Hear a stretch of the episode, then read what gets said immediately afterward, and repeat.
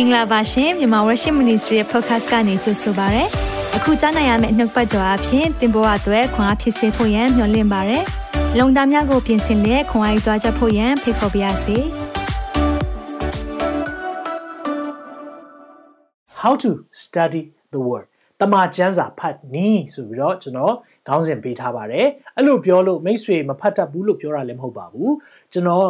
တမန်ကျမ်းစာဖတ်နည်းကိုမသိခဲ့ပါဘူး မသိခဲ့တဲ့အခါမှာဒီတိုင်းပဲဖတ်တယ်ခွန်အားရတဲ့အရာကိုမြင်ချောင်းတားတယ် highlight လုပ်တယ်ဒါပေမဲ့အဲ့ဒီအရာနဲ့ပဲနှစ်ပေါင်းများစွာသွားခဲ့ပြီးတော့မကြသေးခင်နှစ်တွေကမှကျွန်တော်တို့ soap method ဆိုပြီးတော့အဲ့ဒီရဲ့ SOAP method တွေเนาะမနေ့ကကျွန်တော်ပြောခဲ့တဲ့အရာဒီညလည်းကျွန်တော်တချို့လူတွေအစ်စ်ပါတဲ့အတွက်ပြန်ပြောပြပေးမယ် method တစ်ခုကိုကျွန်တော်ရသွားတယ်အဲ့ဒီ method ကဘာမှာအသုံးပြုနေတဲ့ method လည်းဖြစ်တယ်အလွယ်ဆုံးလည်းဖြစ်တယ်เนาะဒါကြောင့်မလို့ဒီနီးနဲ့လေ့လာတဲ့အခါမှာ အရင်ကမတွေ့ဘူးတဲ့အရာတွေနှုတ်ကပတ်တော်လေ့လာရတာเนาะကျွန်တော်တို့ပြင်းစရာမဟုတ်တော့ဘဲနဲ့အသက်ပါလာပြီးတော့ကိုယ့်ရဲ့အသက်တာကိုတကယ်ပဲပြုပြင်နေဆိုတာခံစားရတယ်။ဒါကြောင့်မလို့နှုတ်ကပတ်တော်ကိုအတူတကွဒီညမှာလည်းလေးလာကြရအောင်။မနေ့ကပြောခဲ့တဲ့အကြောင်းအရာလေးထဲကနေကျွန်တော်ပြန်ပြီးတော့ဘာလုပ်နေလဲဆိုတာကိုပြန်ပြောပြပေးပါမယ်။တချို့လူတွေဒီနေ့မှလာရဲဆိုရင်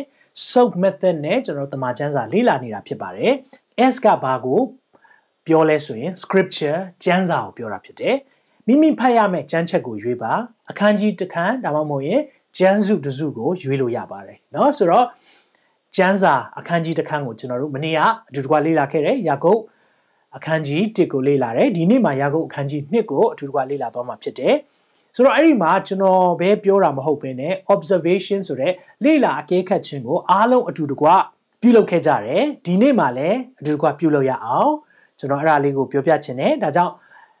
အဲဘာတွေလိုအပ်မလဲဆိုရင်တမန်ကျမ်းစာလိုအပ်ပါတယ်မတ်စုစာအုပ်လိုအပ်ပါတယ်ဘောပင်เนาะဘောပင်လိုအပ်ပါလိမ့်မယ်နောက်ပြီးရင်အရေးကြီးဆုံးအချက်လို့ကျွန်တော်တို့ပြောလို့ရတာကတော့ A application ကျင့်သုံးခြင်းเนาะကျင့်သုံးခြင်းမရှိဘူးဆိုရင်ကျွန်တော်တို့လေ့လာခဲ့သမျှအချင်းကြီးဖြစ်ပါတယ်ဒါကြောင့်မလို့လေ့လာတွေးရှိချက်များကိုတစ်ခုချင်းဆင်ခြင်ဖို့လိုတယ် ဆိုတော့မနေ့ကကျွန်တော်တို့ဒီအကြောင်းနဲ့ပတ်သက်ပြီးလေ့လာတွေ့ရှိချက်တွေအများကြီးတွေ့တဲ့အရာကိုရာကုတ်အခန်းကြီး1မှာကျွန်တော်လေ့လာခဲ့ကြတယ်အကယ်၍သင်လွတ်သွားခဲ့ရဆိုရင်ပြန်ပြီးတော့သွားကြည့်စေချင်တယ်သင်မနောက်ကျသေးပါဘူးเนาะဒီနေ့မှရောက်လာတဲ့သူတွေနောက်မကျသေးဘူးလို့ပြောချင်ပါတယ်နောက်ကျသွားတယ်လို့ထင်ပြီးတော့မပါဝင်တော့မှဆိုလို့ပါเนาะဆိုတော့မနောက်ကျသေးဘူးဒီနေ့မှစတယ်ဆိုရင်လည်းအချိန်မီပါတယ်เนาะဆိုတော့လေ့လာတွေ့ရှိချက်များကိုတစ်ခုချင်းဆင်ခြင်ရအောင် မိမိအသက်တာနဲ့ချိန်ထိုးဖို့လိုပါတယ်ဆိုတော့မိမိသက်တာနဲ့ချိန်ထိုးခြင်းဆိုတာအခုတွေ့တဲ့ဟာကိုအကယ်၍ထားပါတော့เนาะကျွန်တော်ယုံကြည်ခြင်းအကြောင်းတွေ့တဲ့ခါမှာအာဗြဟံရဲ့ယုံကြည်ခြင်းအကြောင်းဖတ်တဲ့ခါမှာကိုယ့်ရဲ့ယုံကြည်ခြင်းအကြောင်းကိုနှိုင်းယှဉ်ပြီးတော့လေ့လာလို့ရတယ်เนาะစသဖြင့်ကျွန်တော်တို့ဒီအရာကိုပြောသွားတာဖြစ်တယ်။နောက်ပြီးရင်တန်ရှင်းသောဝိညာဉ်တော်ရဲ့ဖော်ပြချက်များကိုရေးသားထားဖို့လိုပါတယ်။ဆိုတော့ဒီရဲ့လေ့လာနည်းမှာဘာကအရေးကြီးလဲဆိုရင်တော့ကျမ်းစာကိုကျွန်တော်တို့ဖတ်တာမဟုတ်ဘဲနဲ့ မှတ်တဲ့အဆင့်ဖြစ်ပါတယ်เนาะဆိုတော့ကျမ်းစာကိုကျွန်တော်တို့မဖတ်စေချင်တော့ပါဘူးမှတ်စေချင်ပါတယ်ဖတ်တဲ့အဆင့်ကနေရေးမှတ်တဲ့အဆင့်ကိုရောက်စေချင်ပါတယ်เนาะဒါပေမဲ့လူတိုင်းရေးမှတ်ဖို့အခက်ခဲရှိကောင်းရှိနိုင်ပါတယ်เนาะအလုပ်ထဲမှာပဲဖြစ်ဖြစ်ကျွန်တော်မအားတာပဲဖြစ်ဖြစ်အကယ်၍အာကိုကိုအတွက်ခက်ခဲရှိတဲ့ အနေထားမှာရှိတယ်ဆိုရင်လည်းအာဒီအရာလေးကိုကျွန်တော်တို့တတ်နိုင်သမျှပေါ့နော်ရေးမှတ်ထားတဲ့အရာတွေကိုပြန်ပြီးတော့လေ့လာစေချင်ပါတယ်နောက်ပြီးရင်တော့အဆုံးသတ်ကိုတော့ P prayer နဲ့အဆုံးသတ်ဖို့ဖြစ်ပါတယ်ဆိုတော့လေ့လာဖတ်ရှုခဲ့တဲ့နှုတ်ပတ်တော်ကိုလက်တွေ့လှုပ်ဆောင်နိုင်ရန်အတွက်ဘုရားသခင်ထံမှာဆုတောင်းခြင်းဖြစ်တယ်ခုနဆောစောကပြောခဲ့သလိုပဲတမန်ကျမ်းစာလိုအပ်လိုအပ်ပါတယ်မှတ်စုစာအုပ်လိုအပ်ပါတယ်ဘောပင်လိုအပ်ပါတယ်เนาะဆိုတော့ဒီအရာလေးကိုအရင်ဆုံးပြောပြချင်ပါတယ်အားလုံးအဆင်ပြေကြမလားအဆင်ပြေမယ်ထင်ပါတယ်เนาะ ဆိုတော့ဒီနေ့မှာဘာကြောင်းလေးလာမလဲဆိုရင်ဒီနေ့အတွက်ရွေးချယ်ထားတဲ့နှုတ်ကပတ်တော်ကတော့ရှင်ယာကုပ်ဩဝါဒစာအခန်းကြီး1ဖြစ်ပါတယ်ကျွန်တော်နှုတ်ပတ်တော်ဖတ်ရင်တော့အာအင်္ဂလိပ်ကျမ်းစာနဲ့မြန်မာကျမ်းစာအမြဲတမ်းအတူတူကဖတ်လေးရှိတယ်နှခါလဲပြီးသွားတာဖြစ်တယ်လို့တချို့အသုံးနှုန်းလေးတွေမြန်မာမှာတိတ်ပြီးတော့မရှင်းတာလေးတွေရှိတယ်အဲ့ဒီအချိန်မှာကျွန်တော်အာအင်္ဂလိပ်ကျမ်းစာကိုဖတ်တဲ့အခါမှာပို့ပြီးတော့ရှင်းလင်းတာတွေ့ရတယ်အဲကြောင့်မလို့ဖတ်တာဖြစ်တယ်ဟုတ်ပြီဆိုတော့ကျွန်တော်တို့ လူမျက်နှာကိုမထောက်ပဲဖျားမျက်နှာကိုထောက်ရမယ်တဲ့အာမင်ဆိုတော့ကိုတွေးရှိတဲ့ချက်ထဲမှာလည်းဒါတွေတွေးတယ်ဆိုရင်ကိုယ့်ရဲ့မှတ်စုထဲမှာသိချရေးပေးပါနော်ဆိုတော့အဲ့ဒါအသေးရေးကြီးတဲ့ချက်ဖြစ်တယ်ဟုတ်ပြီနောက်ပါတွေးလဲဆိုတော့ talk only no action faith မှန်တယ်စကားပဲပြောပြီးတော့ action မပါတာကျွန်တော်ထင်တယ်ဒီအခန်းက ဒီအရာကိုအဓိကပဲပြောတာဖြစ်တယ်เนาะဆိုတော့ okay ဆိုတော့ကျွန်တော်နှစ်ပိုင်းခွဲခွဲနေတာကိုတွေ့ရတယ်ခွဲနေတယ်လို့ပြောတဲ့အခါမှာဒီအခန်းကြီး1ကိုကြည့်တဲ့အခါမှာကျွန်တော်နှစ်ပိုင်း ဟိုပြက်ပြက်တသားเนาะပြက်ပြက်တသားနှစ်ပိုင်းဖြစ်နေတာကိုတွေ့ရတယ်ပထမတစ်ပိုင်းကတော့အငယ်ကျွန်တော်တို့အငယ်1ကနေအငယ်73ပေါ့เนาะအငယ်1ကနေ73ကအကြောင်းအရာတစ်ခုပြောထားပြီးတော့နောက်ပြီးတော့14ကနေ26ကိုကြတော့တစ်ခုပြောထားတယ်အဲ့နှစ်ခုကိုကျွန်တော်တို့ကွဲကွဲပြားပြားလေးတွေ့ရတယ်เนาะဆိုတော့အဲ့ဒီနှစ်ချက်လေးကိုနားလည်စေချင်တယ်ပြီးရင်ကျွန်တော်တို့ကျွန်တော်ရဲ့တွေးရှိချက်တွေပြီးကြရင်ကျွန်တော်ပြောမယ်เนาะဆိုတော့ဒီမှာတွေးရှိတဲ့အချက်လေးတွေကို ကျွန်တော်ဖတ်ပေးသွားမယ်လူမျက်နှာကိုထောက်ချင်းမရှိကြနဲ့တဲ့ဆိုတော့ဒီကိစ္စကနော်ကျွန်တော်တို့အသင်းတော်ရီမှာပဲဖြစ်ဖြစ်မှုတော်ဆောင်လောကမှာပဲဖြစ်ဖြစ်ဒီကိစ္စအရင်ဆင်ခြင်ရမယ့်အချက်ဖြစ်တယ်ဆိုတော့လူမျက်နှာကိုမထောက်နဲ့အစင်တန်မခွဲနဲ့လို့ပြောတဲ့အခါမှာကျွန်တော်ဒီလိုဒီဟာကိုအင်္ဂလိပ်လိုကျွန်တော်စကားလုံးလေးတစ်ခုတွေ့တယ်။ဘာတွေ့လဲဆိုတော့ not about clothing เนาะ clothing ဆိုတာအဝတ်အစား it's all about character เนาะဆိုတော့အကျင့်စရိုက်ကအရေးကြီးတယ်။ အပေါ်ဝတ်ထားတဲ့အင်ဂျီကရေးမကြည့်ဘူးအကျင့်စရိုက်ကအရေးကြီးတယ်เนาะဆိုတော့ဒါကြောင့်လူမျက်နှာကိုမထောက်ဖို့ပြောတယ်လူသားချင်းချင်းအစင်တန်မခွဲပဲဆက်ဆံရမယ်တဲ့အာမင်နှုတ်ကပတ်တော်ဒီလိုဖတ်လာတယ်ဆိုရင်ဥပမာကိုအပြင်အလုပ်လုပ်လာတယ်ဆိုရင်အပြင်လုံမှာเนาะဒါတော့ကျွန်တော်အာမိတ်ဆွေတွေဆိုတော့ကျွန်တော်သိတယ်အပြင်လုံလုံတဲ့ခါမှာကို့အလုပ်သမားတွေထဲမှာကို့အလုပ်ရှင်တွေထဲမှာเนาะကိုနဲ့အလုပ်လုပ်ဖော်ကင်ဖက်တီထဲမှာလေလူအမျိုးမျိုး တွေ့လိမ့်မယ်အဲ့လိုတွေ့တဲ့ခါမှာလေကျွန်တော်တို့ကဒီလိုနှုတ်ပတ်တော်နဲ့မနဲ့မှာဖတ်သွားတယ်ဆိုဘယ်လောက်ကောင်းလဲနော်ဆိုတော့ဒါလေးကိုအဆင်ချင်မိသွားပါတယ်လို့နော်နောက်ပြီးရင်ကိုနဲ့ဆက်ဆိုင်သောသူကိုကိုနဲ့များချစ်ဖို့တဲ့အာမင်အဲ့ဒါကိုကျမ်းစာဘယ်လိုပြောထားလဲဆိုတော့ရွှေပြည့်ညက်တော်တဲ့နော်အငယ်အငယ်ရှစ်မှာရေးထားတယ်ဆိုတော့ရွှေပြည့်ညက်တော်လို့တော့ပြောထားတယ်ဆိုတော့ဒီအချက်လေးကတိတ်ပြီးတော့တန်ဖိုးရှိတယ်လို့မြင်တယ်ရွှေပြည့်ညက်တော်နော်ဆိုတော့ပြည့်ညက်တော်ထဲတာမှတကယ်ကိုအစင်မြင့်တဲ့အရာဖြစ်တယ်နော်ကျွန်တော်တို့ အာသိတဲ့အတိုင်းပဲပြည့်ညက်တော်ပြည့်ညက်တော်ကိုကျွန်တော်တို့ကပြည့်ညတ်တော်10ပါးလို့ကျွန်တော်သိထားတယ်မောရှိပေါ့နော်ဒါပေမဲ့တကယ်တမ်းအဲ့ပြည့်ညတ်တော်10ပါးအပြင်ကိုတကယ်တော့အဲ့ဒါကိုခွဲခြားစိတ်ဖြာလိုက်မယ်ဆိုရင်ဂျူးတွေကဒီနေ့ဒီသူတို့သိထားတာက600နဲ့မှ73ခု673ခုရှိတယ်ဆိုတော့အဲ့673ခုကိုသူတို့ကထပ်ပြီးချဲ့လိုက်သေးတယ်ဘယ်လိုချဲ့လဲဆိုတော့ဥပမာသူတို့ကဥပုံနေ့မှာ ဥပုံနေ့မှာအနားယူရမယ်လို့သူတို့ကသတ်မှတ်ထားရဲဆိုရင်ဥပုံနေ့မှာမနားမှာဆိုးလို့ဆိုပြီးသူတို့ကဥပုံနေ့မှာထမင်းမချက်ရဥပုံနေ့မှာအသီးမခိုးရစသဖြင့်သူတို့ကဘာခေါ်လဲဆိုတော့ Chanzio law လို့ခေါ်တယ် fence ဆိုတော့ဥမာဒီရဲ့ law ကိုထိသွားမှာဆိုလို့သူတို့ကဘေးကနေကာပြီးတော့အဲ့ဒီ fence law လေးတွေထားတာပေါ့နော် Chanzio law တွေထားအဲ့လိုအများကြီးထားလိုက်တဲ့ခါမှာလုပ်ရမယ့်ဟာ1000မလုပ်ရမယ့်ဟာ1000 2000လောက်ဖြစ်သွားဆိုတော့ အဲ့ဒီအရာကိုဒါဝိမင်းကြီးဆိုရင်15ခုရှော့ချလိုက်တယ်เนาะဆိုတော့နောက်ပြီးရင်ကျွန်တော်တို့နောက်ဆုံးယေရှုခရစ်တော်ကနှစ်ခုပဲပြောလိုက်တယ်ဖခင်ကိုချစ်ပါလူကိုချစ်ပါ love god love people အဲ့နှစ်ခုမှာပဲအားလုံးကမူတည်တယ်တဲ့เนาะဆိုတော့ဒီချက်ကိုသိကောင်းပါတယ်ရှင်ယာကုတ်ကတခြားလူမဟုတ်ပါဘူးယေရှုရဲ့ညီတော်ဖြစ်တယ်ဒါပေမဲ့သူကသူကိုယ်တိုင်ကကိုဘာပြောလဲဆိုတော့ငါသည်အဲဒီရဲ့ပထမဆုံးမှာအရှင်ယေရှုခရစ်ရဲ့ဂျွန်လို့ပြောတယ် เนาะဆိုတော့ဒီအချက်ကကျွန်တော်ကိုခွန်အားသိဖြစ်စေတယ်ညီကိုချင်းကျွန်လို့သူတို့မပြောဘူးယေရှုကိုလည်းတစ်ချိန်လုံးသူတို့ကမင်းရှောက်ပြီးတော့ဆရာကြီးလုံနေတယ်အမြဲတမ်းအပြစ်တင်နေသူဒါမဲ့ resurrected Jesus ဆိုတာရှင်ပြန်ထမြောက်တဲ့ယေရှုကိုမြင်တွေ့ပြီးတော့တကယ်ဖျားဖြစ်မှသူတို့လက်ခံသွားတဲ့အချိန်မှာတော့ယေရှုကအဲ sorry ယောဟန်ကယေရှုကိုညီကိုလို့မပြောရဲပဲနဲ့ငါဟာကျွန်မငါဟာ ငါမှာသခင်ရှိပါတယ်ဆိုပြီးဟုတ်ပြီဆိုတော့အကျင့်နဲ့ကင်းသောယုံကြည်ခြင်းအသေးဖြစ်တယ်တဲ့အာမင်နောက်ပြီးရင် golden words of god golden rule love your god love your neighbors မှန်တယ်ဟုတ်ပြီကျွန်တော်ဒီနေ့ကျွန်တော်ရဲ့တွေးရှိချက်ပေါ့နော်ကျွန်တော်တွေးရှိချက်ကိုကျွန်တော်အာပြောပြပေးပါမယ်ဘာတွေးထားလဲဆိုရင်တော့အဲ့မှာဘာတွေးထားလဲဆိုရင်တော့ကျွန်တော်လေ့လာတွေးရှိချက်ထဲမှာ verse 1ကနေ13ပေါ့နော်အငယ်1ကနေ73ဘာနဲ့တွေ့လဲဆိုတော့ လူတွေကိုဖရားရဲ့အမြင်နဲ့မြင်တတ်ဖို့သင်ပေးတယ်လို့တွေ့ရတယ်ဆိုတော့အဲ့ဒီမှာနံပါတ်1မှာဆိုဖရားဟာလူမျက်နှာကိုမထောက်တဲ့ဖရားဖြစ်တယ်နောက်စင်းရင်ချမ်းသာမခွဲခြားပဲဒန်းတူဆက်ဆံမှုပြောတယ်နောက်ပြီးရင်အဝတ်အစားဆို clothing ကိုမကြည့်နဲ့ character ကိုကြည့်ပါဆိုတော့အဲ့ character ဆိုတဲ့အရာကဖရားအရန်ကြည့်တယ်နော်ဆိုတော့လူဟာတဲ့အစင်းတရံကိုကြည့်ရှုတတ်၏တဲ့သာရဖျားမှုကနှလုံးကိုချိန်တော်မူတယ်တဲ့နော်ဆိုတော့ကျွန်တော်တို့တကယ်ဖျားကြည့်တာနှလုံးသားဖြစ်တယ် ဒါကြောင့်ကျွန်တော်လူတွေကိုဆက်ဆံတဲ့အခါမှာလည်းနှလုံးသားချင်းပဲဆက်ဆံလေးရှိတယ်။ဘာကြောင့်မလို့နှလုံးသားထဲမှာတခုခုဖြစ်တယ်ဆိုရင်ကျွန်တော် ਨੇ တိတ်အဆင်မပြေကြတာများတယ်။ဘာကြောင့်လဲဆိုတော့ character ကိုကျွန်တော်အရန်ကြည့်တယ်။ character ကောင်းခြင်းကိုကျွန်တော်အများကြီးကိုကိုယ်တိုင်လည်းအမြဲတမ်းဖြောင်းမှန်မှန်ကန်ခြင်းကိုကျွန်တော်ရဲ့ value တန်ဖိုးထားဆုံးအရာပါလဲဆိုရင်ဖြောင်းမှန်မှန်ကန်ခြင်းဖြစ်တယ်။ဒါကြောင့်မလို့ဒီအရာလေးကိုကျွန်တော်ကိုယ်တိုင်အရန်လက်ဆွဲကင်တာဖြစ်တဲ့အတွက် ဖြောင်းမှန်မှန်ကန်ခြင်းရှိခြင်းကိုကျွန်တော်အတန်ဖိုးထားတယ်เนาะဆိုတော့အဲကျွန်တော်အားလုံးနားလည်အောင်ပြောရရင်တော့မျက်နာကြည့်ရဟင်းဖတ်ပါတာမျိုးမလုပ်ပါနဲ့လို့ယာကုပ်ကကျွန်တော်တို့ဆုံးမထားတာဖြစ်တယ်เนาะဆိုတော့အဲ့ဒီမှာစိတ်ဝင်စားစရာတစ်ခုတွေ့တယ်အငယ်30မှာဆိုရင်ပြဉ္ညာချက်တစ်ခုချိုးဖောက်ရင်အားလုံးချိုးဖောက်တာနဲ့တူတယ်တဲ့ဆိုတော့ခုနကျွန်တော်တို့ပြောတဲ့673ခုတစ်ခုလေးပဲမလိုက်နဲ့အကုန်လုံးပြတ်သွားပြီသွားရောเนาะဆိုတော့ဒီပြဉ္ညာချက်ကဘာနဲ့တူလဲဆိုတဲ့အရာကိုလည်းပြောပြချင်တယ် ဆိုတော့ဒီပြဉ္ညာချက်တွေပြဉ္ညာချက်တွေလို့ပြောတဲ့ခါမှာကျွန်တော်တို့မလိုက်နာနိုင်ကြောင်းကိုဖះသိလားဆိုရင်သိတာပေါ့ဒါပေမဲ့ကျွန်တော်တို့ကိုဘာလို့ပြဉ္ညာပေးလဲဒီချက်ရေးကြည့်ရနော်ဘာလို့ကျွန်တော်တို့ကိုပြဉ္ညာချက်ပေးလဲဆိုရင်တော့ပြဉ္ညာချက်ကဘာနဲ့တူလဲဆိုတော့ mirror မှန်နဲ့တူတယ်ဆိုတော့ကျွန်တော်တို့ကိုယ်ခန္ဓာမှာဘာလို့လဲကျွန်တော်မျက်နှာမှာဘာဖြစ်နေလဲမနဲ့ထားတဲ့အခါမှာကျွန်တော်မှန်ကြည့်တယ်လို့ပဲပြဉ္ညာတရားနဲ့ကျွန်တော်တို့ကချိန်ထိုးဖို့လိုတယ်အဲ့လိုချိန်ထိုးတဲ့အခါမှာကျွန်တော်တို့ကမှန်မှာကိုယ့်ရဲ့ရုပ်ကိုမြင်တယ်လို့ပဲ အော်ငါဒီနားလေးမှာဘာဖြစ်နေလဲ။အော်ငါစပယ်ကဘလို့ဖြစ်နေလဲ။စသဖြင့်ကျွန်တော်တို့ကကိုကိုကိုမှန်မှကြည့်ပြီးတော့မှကိုယ့်ရဲ့ကိုယ့်ရဲ့မျက်နှာကိုပြုပြင်တယ်လို့ပဲ။ပြည့်ညက်ချက်ဆိုတာမှန်နဲ့တူတယ်။ဒါပေမဲ့ကျွန်တော်ပြောပြမယ်။အဲ့ပြည့်ညက်ကလုံမပေးနိုင်တာတခုရှိတယ်။ကျွန်တော်တို့ဥပမာကျွန်တော်တို့ထားပါတော့เนาะကျွန်တော်တို့အိုးမဲကအာမျက်နှာမှာပါးမှာပေးနေတယ်ဆိုပါစို့။เนาะပါးမှာမျက် မျက်နှာပါးပေါ်မှာပေနေတယ်ဆိုရင်အိုးမဲကိုကျွန်တော်တို့ကလေမှန်မှတုတ်လို့ရလားမရအောင်မှန်မှဘလောက်တုတ်တုတ်မပြောင်းထုံနည်း၎င်းမဲ့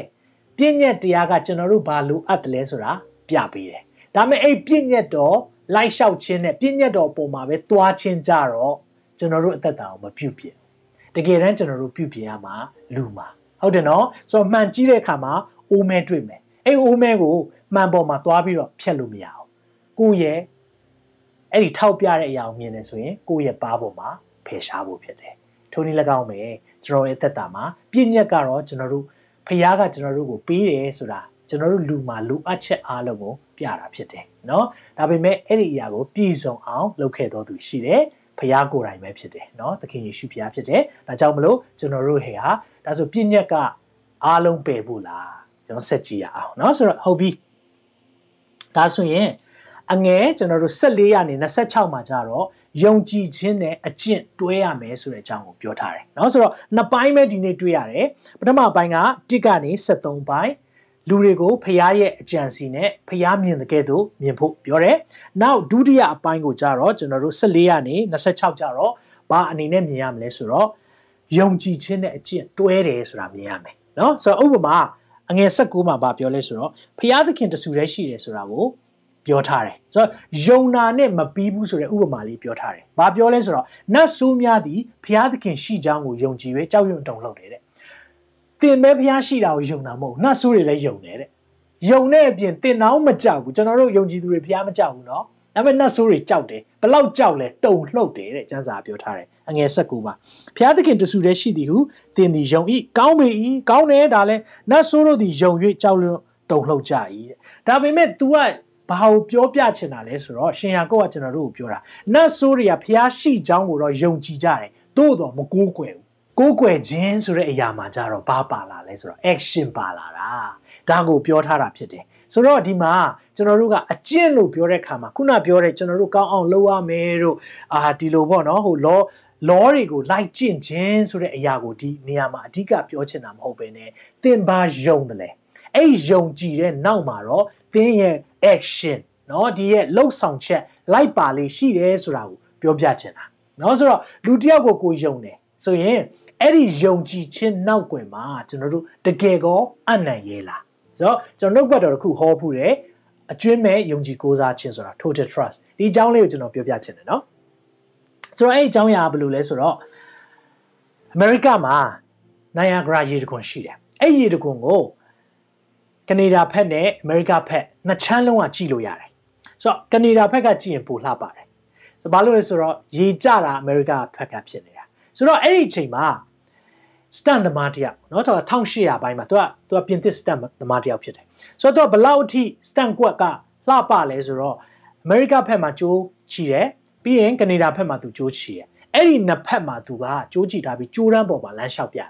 အဲ့ဒီချိန်တော့အဲ့လိုလုံနိုင်တဲ့သူမရှိဘူးဒါပဲလားလို့ပြောတဲ့အခါမှာ तू ကိုရင်သဲထိတ်ရင်ပို့ तू ကဘာလို့လဲဆိုတော့ကြိုးတွေ safety ပေါ့နော်လုံခြုံရေးအတွက်ချိတ်ထားတာလည်းမရှိဘူးပြီးရင် အောက်မှာပိုက်ခံထားတာလည်းမရှိဘူးဆိုတော့ကျွန်တော်တို့အဲ့ဒီနေရာကိုရောက်ဖူးတယ်ဘလောက်အထိရေကပြင်းလဲဆိုရင်ရေကျတာပြင်းတာလေအရှိန်ကရေငွေ့ဖြစ်တာအဲ့ရင်ငွေ့ကနေပူတဲ့အခါမှာတိမ်ဖြစ်တာကိုလေမျက်စိမျက်ရှိမျက်စိရှိမှတင်ဖြစ်တာကိုမြင်ရတယ်အဲ့လိုဝိုးဖြစ်သွားတာနွေရာသီမှာတစ်ခေါက်ရောက်တဲ့အခါမှာတကယ်ကိုရေရရပြီးတော့အဲ့ရင်ငွေ့ပြန်တာတိမ်ဖြစ်တာဒီလိုတွေ့နေရတယ်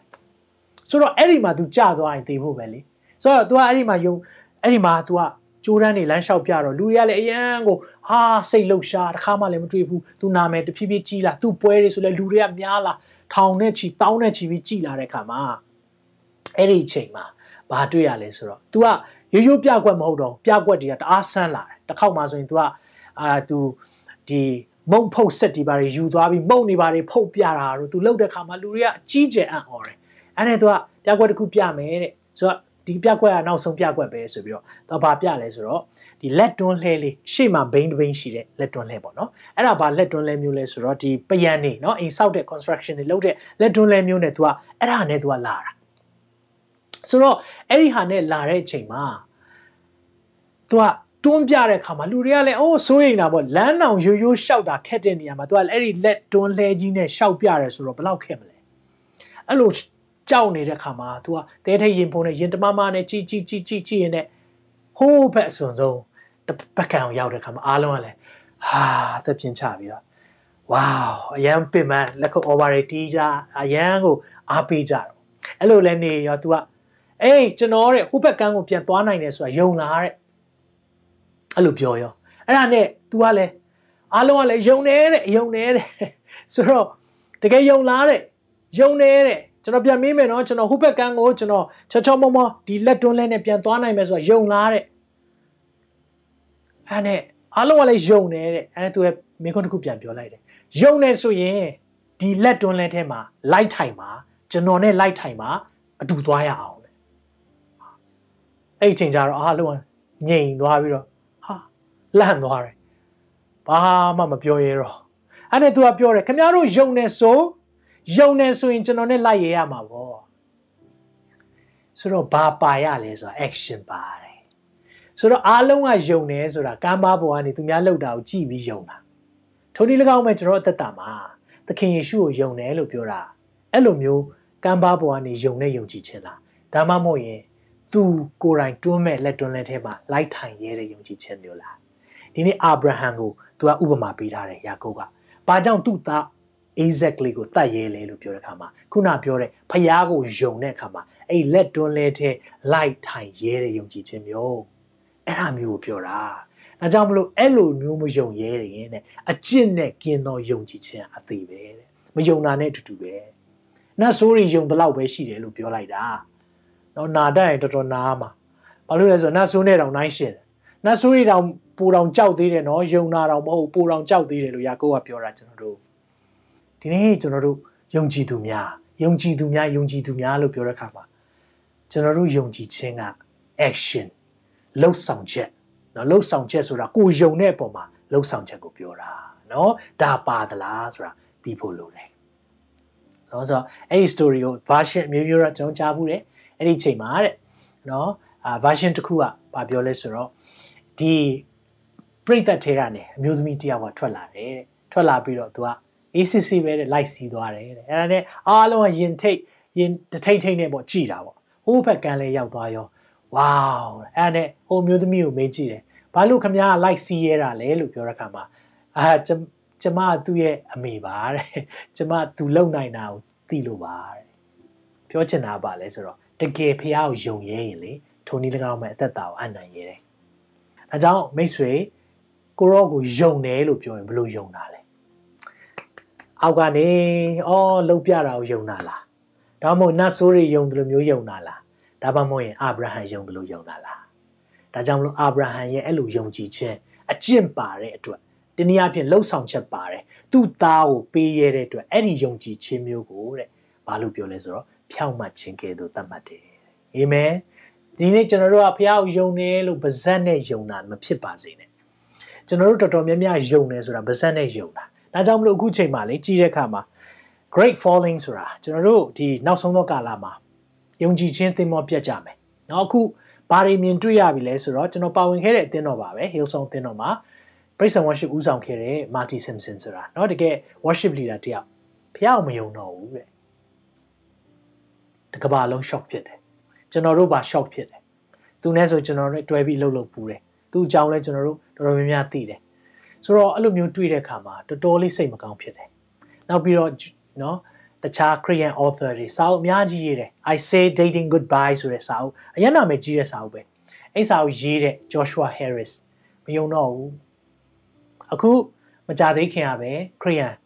အာ music DY เนาะ DY ရဲ့ lead singer ဆိုတာဆိုတော့မယုံတော့ဘူးတဲ့သူ့ဖေမေတွေလည်းပါစတာတွေပဲမယုံတော့ဘူးတဲ့။ ဘာကြောင့်လဲကျွန်တော်တို့ယုံကြည်ခြင်းလို့ပြောတဲ့အခါမှာခုနပြောတဲ့ဗဇက်နဲ့ပဲယုံတာမျိုးဖြစ်နေလေ။တကယ်တမ်းအခက်အခဲကြုံလာရင်သွားတာပဲ။အားကြောင့်ကျွန်တော်ခွန်အားပေးချင်တာကမိတ်ဆွေကျွန်တော်တို့ယုံကြည်ခြင်းလို့ပြောတဲ့အခါမှာသင်ဘယ်လိုမျိုးယုံတာလဲ။ဆက်ပြီးတော့ကြည့်ရအောင်နော်။ဟုတ်ပြီ။အာဗြဟံရဲ့ယုံကြည်ခြင်းကိုပုံဆောင်ထားတယ်။ဒါကြောင့်မလို့ real faith shows real action တကယ်ယုံရင်တကယ်လုပ်တယ်။ နော်တကယ်ယုံရင်တကယ်လုပ်တယ်။ဒါကြောင့်မလို့လူသည်ယုံကြည်ခြင်းအပြင်သာဖြောက်မှတ်ခြင်းတို့ရောက်သည်မဟုတ်အကျင့်အပြင်ရောက်သည်ကိုသင်တို့သိမြင်ရကြ၏တဲ့အငယ်24မှာဒီရောက်ပြောတယ်လူသည်ယုံကြည်ခြင်းအပြင်သာဖြောက်မှတ်ရသူရောက်သည်မဟုတ်အကျင့်အပြင်ရောက်သည်ကိုသင်တို့သိမြင်ရကြ၏ဒါဆိုရင်ရှင်ယာကုပ်ပြောတဲ့အရာနဲ့ရှင်ပေါလုပြောတဲ့အရာနှစ်ခုကဟိုဆန့်ကျင်ဘက်ကြီးဖြစ်နေရလားစဉ်းစားစရာနော်ဘာလို့လဲလို့ပြောတဲ့အခါမှာရှင်ပေါလုကြတော့အကျင့် နဲ့ငါတို့ကဖြောက်မှတ်ရရောက်တာမဟုတ်ဘူးတဲ့ငါတို့ရဲ့ယုံကြည်ခြင်းအဖြစ်ရောက်တာတဲ့ဆိုတော့အဲ့ဒီနှစ်ခုက contradict ဆိုပြီးတော့ကျွန်တော်တို့ဒီစန့်ကျင်ဘက်ဖြစ်တာမဟုတ်ပဲねတကယ်တော့ compliment တယောက်နဲ့တယောက်လေအထောက်အကူပြုတဲ့စကားကိုပြောတာဆိုတော့ကျွန်တော်တို့ law တွေကိုကြင့်ကြံခြင်းနဲ့ဖြောင့်မတ်ရမရောက်ဘူးလို့ရှင်ပေါလုကပြောချင်တာရှင်ယာကုပ်ပြောတာကြတော့မန်နဲ့ရှင်ပေါလုပြောသလိုပဲ law တွေနဲ့ရောက်တာမဟုတ်ဘူးဒါပေမဲ့မင်းတကယ်ယုံနေဆိုရင်အဲ့ဒီယုံကြည်မှုနောက်ွယ်မှာလှုပ်ဆောင်ချက်ပါလိမ့်မယ်ပါဇက်ပဲမဟုတ်ဘူးနော်လက်တွေ့ဖြစ်တယ်ဒါကြောင့် तू ကအရှိမဥပမာတွေပေးတာလေညီကိုတွေအင်ဂျီမရှိဘူးဆိုအေးစိတ်မကောင်းဘူးနော်အင်းနေမှာပဲနော်ချမ်းနေမှာပဲနော်အဲ့လိုပဲမဟုတ်ပဲနဲ့ကိုယ်တိုင်ကိုရှိတဲ့ဟာကိုပေးတာအဲ့ဒါကိုပြောတာဆိုတော့ကိုတကယ်သူတို့ကိုတနာလားတကယ်ချစ်သလားအဲ့ဒီအရာပေါ်မှာကျွန်တော်တို့က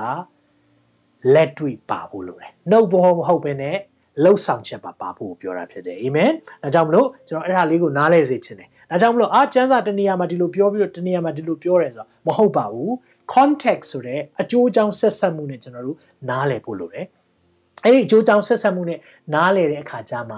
အခုရှင်ပေါလုကဘာကိုပြောချင်တာလဲရှင်ယာကုပ်ကဘာကိုပြောချင်တာလဲเนาะဒါကိုကျွန်တော်တို့ နားလည်ဖို့ဖြစ်တယ်။ဒါကြောင့်မလို့ကျွန်တော်ဒီဟာကိုမတ်စုတောင်လောက်ထားပါသေးတယ်နော်။ဆိုတော့ဘာကြောင့်လဲဆိုတော့ဒီမေခွန်းနေထွက်လာနိုင်တယ်လို့ကျွန်တော်ကိုယ်တိုင်လည်းစဉ်းစားတယ်။အဘာကြောင့်မလို့ရှင်ပေါလုကဒီလိုပြောထားပြီးတော့ရှင်ရာကုတ်ကြတော့ဒီလိုပြောတာလေ။စသဖြင့်ကျွန်တော်သူတို့နှစ်ခုပေါ့နော်။ဆိုတော့ယောမ၄အငယ်၁ကနေ9နဲ့ယောမ9 1မှာအဲ့ဒီအကြောင်းကိုအဓိကပြောထားတယ်နော်။ဆိုတော့ရှင်ပေါလုက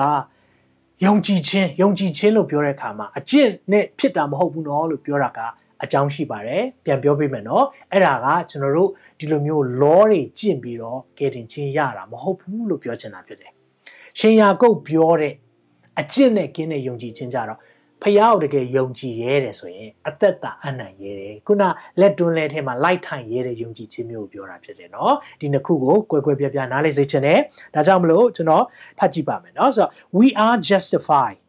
before God by faith ကျွန်တော်တို့ဟာ ဖះရှိမှာယုံကြည်ခြင်းအပြင်ဖြောက်မှတ်တယ် but we are justified before men by works လူတွေရှေ့မှာကြတော့ကျွန်တော်တို့ရဲ့လောက်ရက်တွေကိုမြင်ချင်းအပြင်လူတွေကဖြောက်မှတ်တာကိုသိတယ်တဲ့ဆိုတော့မှန်တယ်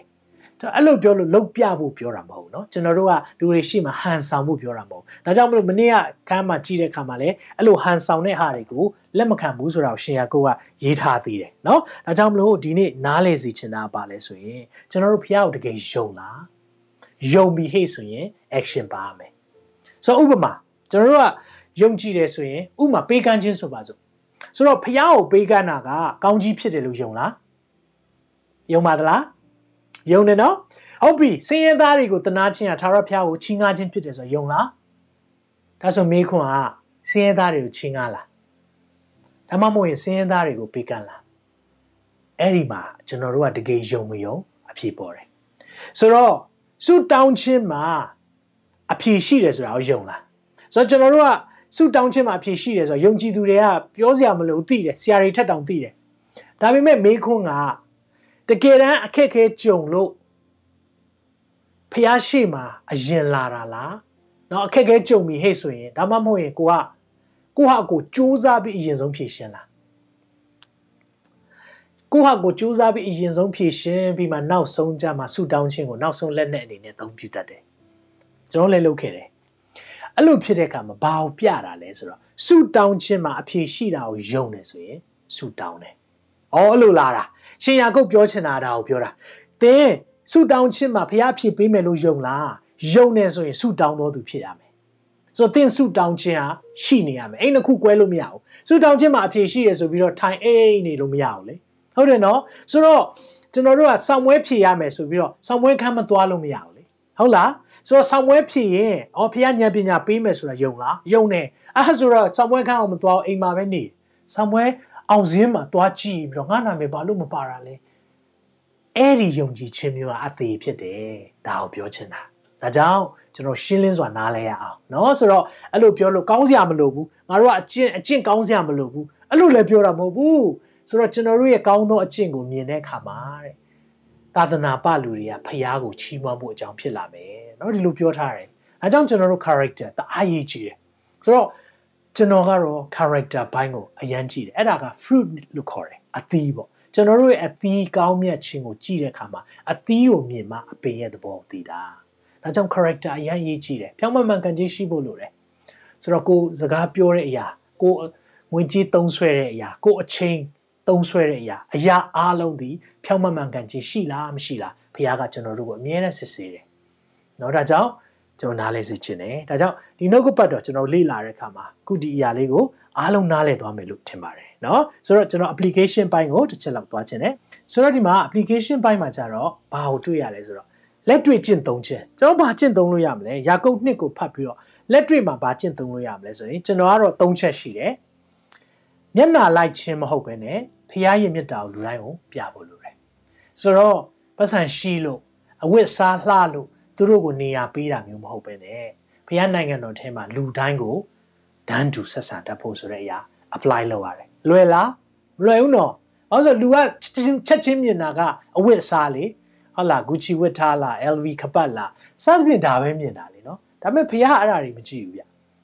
နှလုံးသားကိုကြည့်တယ်နော်ဒါကြောင့်မလို့ ကျွန်တော်တို့ကဒါကို apply လုပ်ဖို့လိုတယ်ကျင့်သုံးဖို့လိုတယ် okay အလုပ်ထဲမှာလုပ်ရင်လည်းအယောင်အသားအယောင်ခွဲခြားဖို့မဟုတ်ဘူးလူအနေနဲ့ပဲမြင်ဖို့ဖြစ်တယ်ဖះရဲ့သားသမီးအနေနဲ့ပဲမြင်ကြည့်ဖို့ဖြစ်တယ်အာမင်ဒါကြောင့်မလို့သူတို့ရဲ့အဆင့်တန်းကိုမကြည့်ဘဲနဲ့သူတို့ဘာတူလဲဆိုတာကိုကျွန်တော် apply လုပ်ဖို့ဖြစ်တယ်ဟာလေလုယာဒါကြောင့်မလို့ရှင်ယာကုတ်ထဲကနေအခန်းကြီး1ကနေပါရလဲဆိုရင်နံပါတ်1အချက်ကနှကန်းဖြင့်အပေါ်ယံချစ်ခြင်းမဟုတ်ပဲနှလုံးသားဖြင့်လူတွေကိုချစ်ရန်တဲ့ဝေါဒါလည်းတော်တော်မလွယ်တဲ့ကိစ္စပဲเนาะ နှကန်းနဲ့ပဲအပေါ်ယံချစ်တာမျိုးမဟုတ်ဘူးဥပမာတယောက်ကဘိုက်စာနေတယ်။အော်ဘိုက်စာနေမှာပဲเนาะတနာလိုက်တာအဲ့လိုမဟုတ်ဘူး။အော်အေးနေမှာပဲเนาะဝစ်စာမရှိအဲ့လိုမဟုတ်ဘူး။ကျွန်တော်တို့ကိုယ်တိုင်ကကိုကို့မှာဘာပေးဖို့ရှိလဲ။ကို့ထဲကနေဘာပေးဖို့ရှိလဲ။ကိုဘာတတ်နိုင်လဲ။ဘာကူညီနိုင်လဲ။စသဖြင့်အဲ့ဒီလိုမျိုးလက်တွေ့ပါတဲ့ action ပါတဲ့အရာဒါမှသာလင်တကယ်ယုံကြည်ခြင်းမှန်တယ်လို့ရှင်ကကိုကပြောပြတာเนาะဆိုတော့နောက်ပြီးတော့တတိယ check ကျွန်တော်ဗာရလိုက်လဲဆိုရင်တော့ application ပိုင်းမှာတကယ်ယုံကြည်ရင်တကယ်လက်တွေ့လှုပ်ဆောင်ခြင်းပါရမည်နော်ဆူတောင်းခြင်းနဲ့ဘေးကန့်ခြင်းအကြောင်းတွေဒါကျွန်တော်ဥပမာလေးပြောတာပါနော်ကြံတဲ့အရာတွေလည်းအများကြီးပါလိမ့်မယ်နော်ဆိုတော့တကယ်ယုံကြည်လားတကယ်ယုံကြည်တယ်ဆိုရင်ဆူတောင်းခြင်းကိုတကယ်ယုံတယ်ဆိုရင်ဆူတောင်းပါဘေးကန့်ခြင်းမှာဘုရားကောင်းကြီးတကယ်ရှိတယ်လို့ယုံကြည်ရင်ဘေးကန့်ပါနော်ဆိုတော့အေးပေးလိုက်ရင်သူတို့ဘာလုပ်မလဲမသိဘူးဒါမယုံလို့လေရှင်းရှင်းလေးပဲနော်ဆိုတော့ကိုခေါင်းဆောင်နေအပေါ်မှာလဲထုံနေတကောင်ပဲသူတို့နားတကယ်ယုံတယ်ဆိုရင် သူတို့ရဲ့ညွန်ကြားတဲ့အရာလိုက်ရဲဖို့လိုတယ်เนาะဆိုတော့ယုံကြည်ခြင်းလို့ပြောတဲ့အခါမှာလက်တွေ့ကျင့်ဆောင်ခြင်းပါတယ်အာမင်ဒါကြောင့်မလို့ဒီနေ့ application မှာကျွန်တော်ဒီ၃ခုကိုရပါတယ် prayer เนาะ P ပေါ့เนาะဆိုတော့နောက်ဆုံးဆိုတော့ဒီဟာလေးကိုတချို့လူတွေကိုကျွန်တော်ပြန်ပြီးတော့ပြောပြချင်ပါတယ်ဒီနေ့မှကြည်ဖြစ်တယ်ဆိုရင်ကျွန်တော်တို့က ဒီ soak method လေးကိုလေ့လာတာဖြစ်တယ်ဆိုတော့ scripture ဆိုရင်ခုနကျွန်တော်တို့ယာကုပ်ခန်းကြီး1ကိုကျွန်တော်အတူတကွလေ့လာခဲ့တယ်အဲ့ဒါပြီးပြီဆိုရင် observation ခုန အကဲခတ်လေ့လာတာလေ့လာအကဲခတ်တဲ့အခါမှာခုနကျွန်တော်အချက်တွေကျွန်တော်တွေ့ရတယ်เนาะဆိုတော့ခုနလေ့လာတဲ့အချက်တွေကိုတွေ့ရတဲ့အခါမှာအဲ့ဒီအချက်တွေကိုကျွန်တော်ရေးကြတယ်အချင်းချင်းဖလှယ်ကြတယ်เนาะဆိုတော့အဆင်ပြေတယ်ပြီးရင် application ကျင့်သုံးခြင်းအပိုင်းမှာဆိုရင်ကိုဘာကျင့်သုံးဖို့လို့လဲဒီထဲမှာဥပမာကိုကမျက်နှာလိုက်နေသေးလားเนาะဆိုတော့အသင်းတော်မှာကိုကဘသူတွေကိုမျက်နှာလိုက်နေသေးလဲဒါတွေကိုမြင်ဖို့ဖြစ်တယ်ဒါမှမဟုတ်ရင်ကိုကဘလူဘယ်လိုလူတွေကိုဘယ်လိုဆက်ဆံတယ် စသဖြင့်ကိုကိုကိုမြင်တယ်ဆိုရင်ဒါကျင့်သုံးခြင်းပိုင်းမှာဖျားမစားလိုက်မယ်เนาะဆိုတော့ SOAP နောက်ဆုံးကဆူတောင်းခြင်းဖြစ်တယ်เนาะဆိုတော့ဆူတောင်းခြင်းမှာကြတော့ကျွန်တော်ဗာရေးထားလဲဆိုတာကျွန်တော်ရဲ့ဆူတောင်းတဲ့ဖြစ်တယ်တူးစရာမလိုပါဘူးเนาะဆိုတော့အော်ဆရာဒီလိုအချက်တွေတွေ့တယ်ကျွန်မမတွေ့ဘူးကျွန်တော်မတွေ့ဘူးမဟုတ်ဘူးမိတ်ဆွေကိုဖះစကားပြောတဲ့ပုံစံနဲ့ကျွန်တော်ပြောတဲ့ပုံမတူပါဘူးများများကျွန်တော်တို့လေ့လာပြီးတော့များများ မှတ်သားမယ်ဆိုရင်เนาะဖះပြောလိုက်မယ်နေ့တိုင်းပြောတယ်เนาะဒီနေ့ soap method ဒီကျွန်တော်အတွက်ကျွန်တော်တို့လင်မယားဇနီးမောင်နှံအတွက်တော့အရန်ကို အထောက်အကူပြုတဲ့ကျန်းစာလေ့လာနည်းဖြစ်တယ်เนาะဒီနောက်မှာမှကျွန်တော်တို့တခြားထောက်တင်ထောက်ကူပစ္စည်းတွေပေါ့เนาะတခြား commentary တွေအာတခြားဟာတွေပြန်ဖတ်တာပေါ့เนาะဆိုတော့တကယ်တော့နောက်ပိုင်းဆိုဘာပူနားလည်သွားလဲဆိုတော့ကိုယ်တိုင် soap method ပေါ့เนาะဒီ method နဲ့ကျန်းစာဖတ်တာကပိုပြီးအကျိုး ထိရောက်မှုရှိတယ်ဆိုတဲ့အရာလေးကိုပိုနားလည်သွားတယ်เนาะဆိုတော့ဟုတ်ပြီအဲကြောင့်ကျွန်တော်တို့ prayer မှာကျွန်တော်ဗာရေးထားလဲဆိုရင်တော့ဖဖျားလူတွေကိုသခင်မေတ္တာနဲ့ချစ်တတ်ဖို့မဆာတနာတော်မူပါเนาะဒါကိုယ့်ရဲ့အားနည်းချက်ပါပဲလူတွေကိုဖျားမေတ္တာနဲ့ချစ်နိုင်ဖို့ဆိုတာအမြဲစုတောင်းမဲ့အရာဖြစ်တယ်ပြီးရင်အပေါ်ယံချစ်ချင်းတဲ့နှလုံးသားဖြင့်ချစ်တတ်ဖို့ရန်ဝိညာဉ်တော်ဖျားမဆာတော်မူပါဒါကျွန်တော်တောင်းတဲ့အရာ เนาะတော့ကျွန်တော်အဲ့လိုမျိုးစာဖတ်ပြီးပြီဟဲ့ဆိုရင်ကိုပါလို့လဲဆိုတာအမြဲပေါ်တယ်လေเนาะပေါ်တဲ့ခါမှာဒါဒီဟာတော့ကျွန်တော်ကအားလုံးနဲ့သင်ကြားတဲ့ကာလမလို့ရေးပြတာဖြစ်တယ်ဒါပေမဲ့ကျွန်တော်ရဲ့ရေးတဲ့ဟာတချို့ဟာတွေဆိုကျွန်တော် public ကိုမချပြရဲဘူး။ဘာကြောင့်လဲဖျားမြင်တဲ့အတိုင်းကိုကျွန်တော်ရေးထားတယ်ကိုတော့ကျွန်တော်ရဲ့နှလုံးသားထဲမှာဒီလိုမျိုးဖြစ်နေတဲ့အရာတွေဆိုပြီးကျွန်တော်မပြောတော့ဘူးเนาะဆိုတော့ကိုနှလုံးသားကိုသိတယ်ကိုကကိုရေးလို့ရတယ်ကိစ္စမရှိဘူးเนาะဘယ်သူမှဖတ်တာမဟုတ်ဘူးကိုကိုနဲ့ဖျားမြင်တဲ့အခါမှာ ဒါကိုနားလည်ဖို့လိုတယ်။နောက်ကျွန်တော်ပါရေးထားလေးရဲ့ဆိုတော့ကျွန်ုပ်ရဲ့ယုံကြည်ခြင်းမှာလည်းလှုပ်ဆောင်ချက် action ပါသောအရာဖြစ်ဖို့ရန်နဲ့အကျင့်နဲ့ကင်းသောယုံကြည်ခြင်းမျိုးမဖြစ်စေရန်တွင်တင်ပြသတော်မူပါအဖာ။နော်ဒါကျွန်တော်ရဲ့ဆူတောင်းချက်ဖြစ်တယ်။နော်ဆိုတော့ဆူတောင်းချက်ကလည်းအရှိကြီးနော်ကိုယ့်ရဲ့အရှိကြီးရေးချင်ရေးပါနော်ကျွန်တော်ကတော့ထီထီမိမိနဲ့ကိုတကယ်လိုအပ်တဲ့အရာအများတန်းရေးပါတယ်။ဒါကြောင့်မလို့ SOAP soap method တွေ ကျွန်တော်အတွက်အရန်ထူခြားတဲ့အရာဖြစ်တယ်အာမင်အဲကြောင့်မိတ်ဆွေလည်းယုံကြည်တယ်ကျွန်တော်တို့ပထမနေ့နဲ့ဒုတိယနေ့မှာဘာကွာလာပြီလဲเนาะကိုကိုကိုကျွန်တော်နှစ်ရက်ရှိပြီလေ့လာတာအကယ်၍ဒီနေ့မှသင်လာဖြစ်တယ်ဆိုရင်လည်းနောက်မကြဘူးအာဒီနေ့ညအခန်း1ကိုကျွန်တော်လုပ်သလိုပြီးကြရင်ကျွန်တော်အခန်း1ကိုပြန်နားထောင်ပြီးတော့အထူးတကွသွားဖို့လည်းဖြစ်တယ်เนาะကိုယ်တိုင်နားထောင်မှုဖြစ်တယ်ဆိုတော့ဒီ soap method ကိုကျွန်တော်အမြဲတမ်းတယောက်တည်းလုပ်ရင်အနည်းဆုံးနိုင်ဝက်ကနေ တနာရီကြာလေးရှိတယ်တခါလေတချို့စကလုံးလေးတွေကျွန်တော်လေ့လာခြင်းပြီးဟဲ့ဆိုရင်ထူးခြားတဲ့အရာတွေ့ပြီးဟဲ့ဆိုတခါလေဒီထက်မကပူကြသွားတယ်ဆိုတော့ဖတ်တဲ့နှုတ်ပတ်တော်နဲ့လည်းဆိုင်ပါတယ်เนาะဆိုတော့ဖတ်တဲ့နှုတ်ပတ်တော်ကအာကျွန်တော်တို့ဓမ္မသစ်ဖတ်တာလားဓမ္မဟောင်းဖတ်တာလားနောက်ပြီးရင် prophet အနာဂတ်ကျမ်းတွေကိုဖတ်တာလားဒါမှမဟုတ်ရင်ကျွန်တော်တို့ law ပိုင်းတွေဖတ်တာလားဆိုတော့အဲ့ဒီအရာလေးတွေတော့ကွာခြားမှုရှိပါတယ်အချိန်ကတော့เนาะဒါပေမဲ့ကျွန်တော်တို့ဖျားပေးထားတဲ့အချိန်တွေကနေကျွန်တော်တို့ တနေ့မှာသူနဲ့တနားရီလောက်တောင်အချိန်ပေးရအောင်လीเนาะဒါကတော့အရန်လိုအပ်တယ်လို့မြင်ပါတယ်ကျွန်တော်တန်ရှင်းသောဝိညာဉ်တော်အကြောင်းနဲ့ကျွန်တော်လေ့လာခဲ့တဲ့အခါမှာလည်းမိတ္တဟာယဖွဲ့ခြင်းဖခင်ကိုတော့ဗာပြောချင်လဲကျွန်တော်ကျမကိုဒီနေ့ဗာပြောချင်လဲစသဖြင့်ကျွန်တော်တို့ကနေ့ရက်စဉ်တိုင်းမှာသူ့ရဲ့ကောင်းမြတ်ခြင်းကိုကျွန်တော်တို့ကအမြဲတမ်းတော့အမြဲတမ်းဒီအရာကိုအောင်မေ့တရရဖို့လိုတယ်အဲ့ဒီအချိန်မှာသင်ကိုပြုပြင်သွားမယ်เนาะဒီအရာကကျွန်တော်တို့ကို ရေကဲ့သို့ပဲဆေးပေးသွားမယ်စက်ပြလည်းရှိပြီရေလည်းရှိပြီဘာလို့သေးလဲအာမင်ဒါကိုတွေ့ရတယ်ဆိုတော့ဒီအရာလေးတွေကိုကျွန်တော်တွေ့တဲ့အခါမှာအယံဝမ်းသာတယ်ဝမ်းသာတယ်ဆိုတာကဒီနှုတ်ကပတ်တော်ဖတ်ကြားနည်းတွေကိုကျွန်တော်တို့လွယ်လွယ်ကူကူရှိရသားနဲ့အသင်းတော်တွေမှာမတင်ကြားတာများတယ်တင်တဲ့အသင်းတော်တွေလည်းရှိပါတယ်မတိကြတာများတယ်ဆိုတော့အာကျွန်တော်တို့ကတော့အာဖခင်ရဲ့အိမ်တော်နိုင်ငံတော်ထဲမှာကျွန်တော်တို့ကို teacher เนาะဆရာများအနေနဲ့ထားတဲ့အခါမှာဒီအရာလေးတွေကိုလေ့လာဖို့ကျွန်တော်ကစိတ်ဆန္ဒဖြစ်လာတယ်သိစေချင်တယ်ဒါကြောင့်မလို့ကျွန်တော်တို့ဒါကိုလေ့လာတာဖြစ်တယ်ဒီအတွက်ကိုလည်းကျွန်တော်အများကြီးအချိန်ယူရပါတယ်မနေ့ပြင်မှာကျွန်တော်တို့ အာအခန်းကြီး3ကိုသွားမယ်เนาะအခန်းကြီး3အာတစ်ခန်းလုံးကိုဒီညကလေးကမနေ့ဖြစ်မှာမှဖတ်ပါเนาะဆိုတော့တချို့အချိန်ရှိရင်လည်းဖတ်ပါဖတ်ပြီးရင်ကျွန်တော်တို့ခုနလိုပဲကျွန်တော်တို့ O เนาะ observation အ လေ့လာအကဲခတ်ခြင်းတွေတွေးရှိချက်တွေကိုရေးမယ်ပြီးရင် application ကျွန်တော်အနေနဲ့တော့ application တားရေးကြည့်တယ်တွေ့ပဲတွေ့ပြီးတော့မကျင့်သုံးဘူးဆိုရင်လည်းအလကားပဲဒါကြောင့်ကျင့်သုံးခြင်းပိုင်းကိုပို့ပြီးတော့ကိုကိုနော်ကိုကိုကိုပြန်ပြီးတော့အာရှင်ပေါလုစကားနဲ့ပြောမယ်ဆိုရင်တော့ကိုကိုကိုထိုးနှက်ပါထိုးနှက်တယ်လို့ပြောတဲ့အခါမှာနော်ကိုမှလိုအပ်ချက်ရှိတဲ့ဟာကိုတည်ဆုံးဖြစ်တယ်နော်အဲကြောင့် be humble and be open and be honest ကိုဟာကို honest ဖြစ်တယ်ဆိုရင်ဖခင်အသင်ရှင်သောဝိညာဉ်တော်က နေ့စဉ်နဲ့များကျွန်တော်တို့သင်သင်ပေးလိမ့်မယ်အာမင်ခွန်အားရပါသလားအာမင်ကျွန်တော်တို့အရန်ခွန်အားရပါတယ်เนาะဒါကြောင့်မလို့အသင်းတော်ဆိုတာနေရာလေးဖက်မဟုတ်ပါဘူးယုံကြည်သူများစုဝေးခြင်းဖြစ်တယ်။ဒါကြောင့် online church เนาะဒါမြန်မာ worship online church လို့ပဲခေါ်ရအောင်เนาะဆိုတော့အားလုံး online church မှာပါဝင်ကြလို့အထူးကျေးဇူးတင်ပါတယ်ကျွန်တော်တို့မေးခွန်းရှိတယ်ဆိုရင်လည်းပို့ပေးပါเนาะမေးခွန်းရှိတယ်ဆိုရင်ကျွန်တော်တို့ရဲ့ page မှာအာ messenger ထဲမှာပို့ပေးစီခြင်းနဲ့ နှုတ်ပတ်တော်ပဲဖြစ်ဖြစ် personal ပဲဖြစ်ဖြစ်ကျွန်တော်မေးတဲ့အရာတွေရှိတယ်တချို့တွေကျွန်တော်ပြန်မဖြေပေးနိုင်သေးတာလည်းရှိတယ်အာပြန်ဖြေပေးပါမယ်လို့เนาะအဲ့ဒါလည်းကျွန်တော်ပြောပြချင်တယ်ဒီညမှာပါဝင်တဲ့သူအားလုံးကိုကျေးဇူးအထူးတင်တယ်ဖျားရှင်ကအထူးကောင်းချီးပေးပါစေเนาะတင်ခုလိုနာဆင်ခွန်အားနိုင်ခြင်းဟာမြန်မာ Worship Ministry ကိုလာဆင်ပန်ပိုးနေကြတဲ့ Kingdom Partners များအကြောင်းဖြစ်ပါတယ်။ဖျားခင်နိုင်ငံတော်ကျယ်ပြန့်ရေးအတွက်လာဆင်ပေးကမ်းပောင်းဖို့ရန်ဖိတ်ခေါ်လိုပါတယ်ရှင်။